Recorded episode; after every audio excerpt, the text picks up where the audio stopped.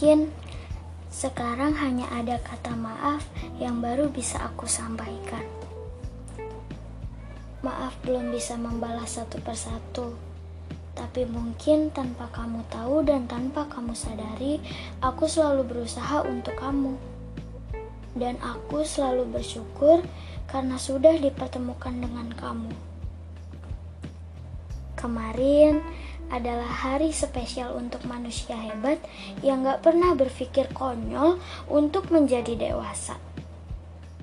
Sekali lagi, selamat ulang tahun sayangku. Selamat menua dan mendewasa. Selamat menempuh perjalanan panjang yang baru.